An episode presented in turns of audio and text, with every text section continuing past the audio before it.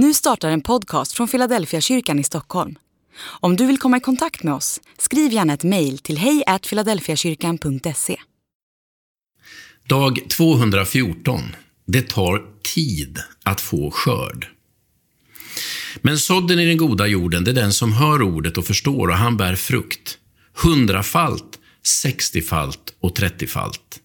Matteus kapitel 13 och vers 23.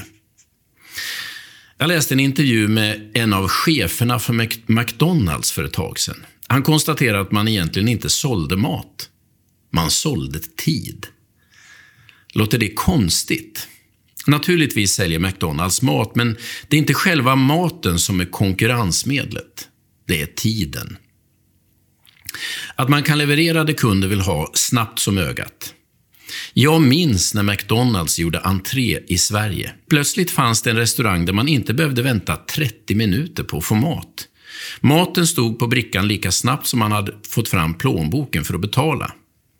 Som pappa till fyra barn så har jag tackat Gud för McDonalds många gånger. Det har räddat vår familj från många inbördeskrig. För egen del hade jag gärna ätit annan mat, men ibland måste man bara acceptera att snabbt är gott. Lika mycket som McDonalds varit en välsignelse för hungriga barnfamiljer, lika mycket är McDonaldsifieringen en förbannelse. Vi lever med en ständig otålighet. När saker inte går snabbt nog får vi en känsla av att någon håller på att stjäla tiden ifrån oss. Tänk bara på alla upprörda kollegor som har förbannat sin dator för att den tar två minuter att komma igång. Två minuter. När Jesus talar om hur Guds rike slår rot, börjar växa och ger skörd i våra liv, så beskriver han en process som tar tid. Det är faktiskt så att det är bättre att det går lite långsammare än att det går för fort. Om det får ta tid hinner rötterna gå på djupet och det ger bättre tålighet om klimatet blir bistert.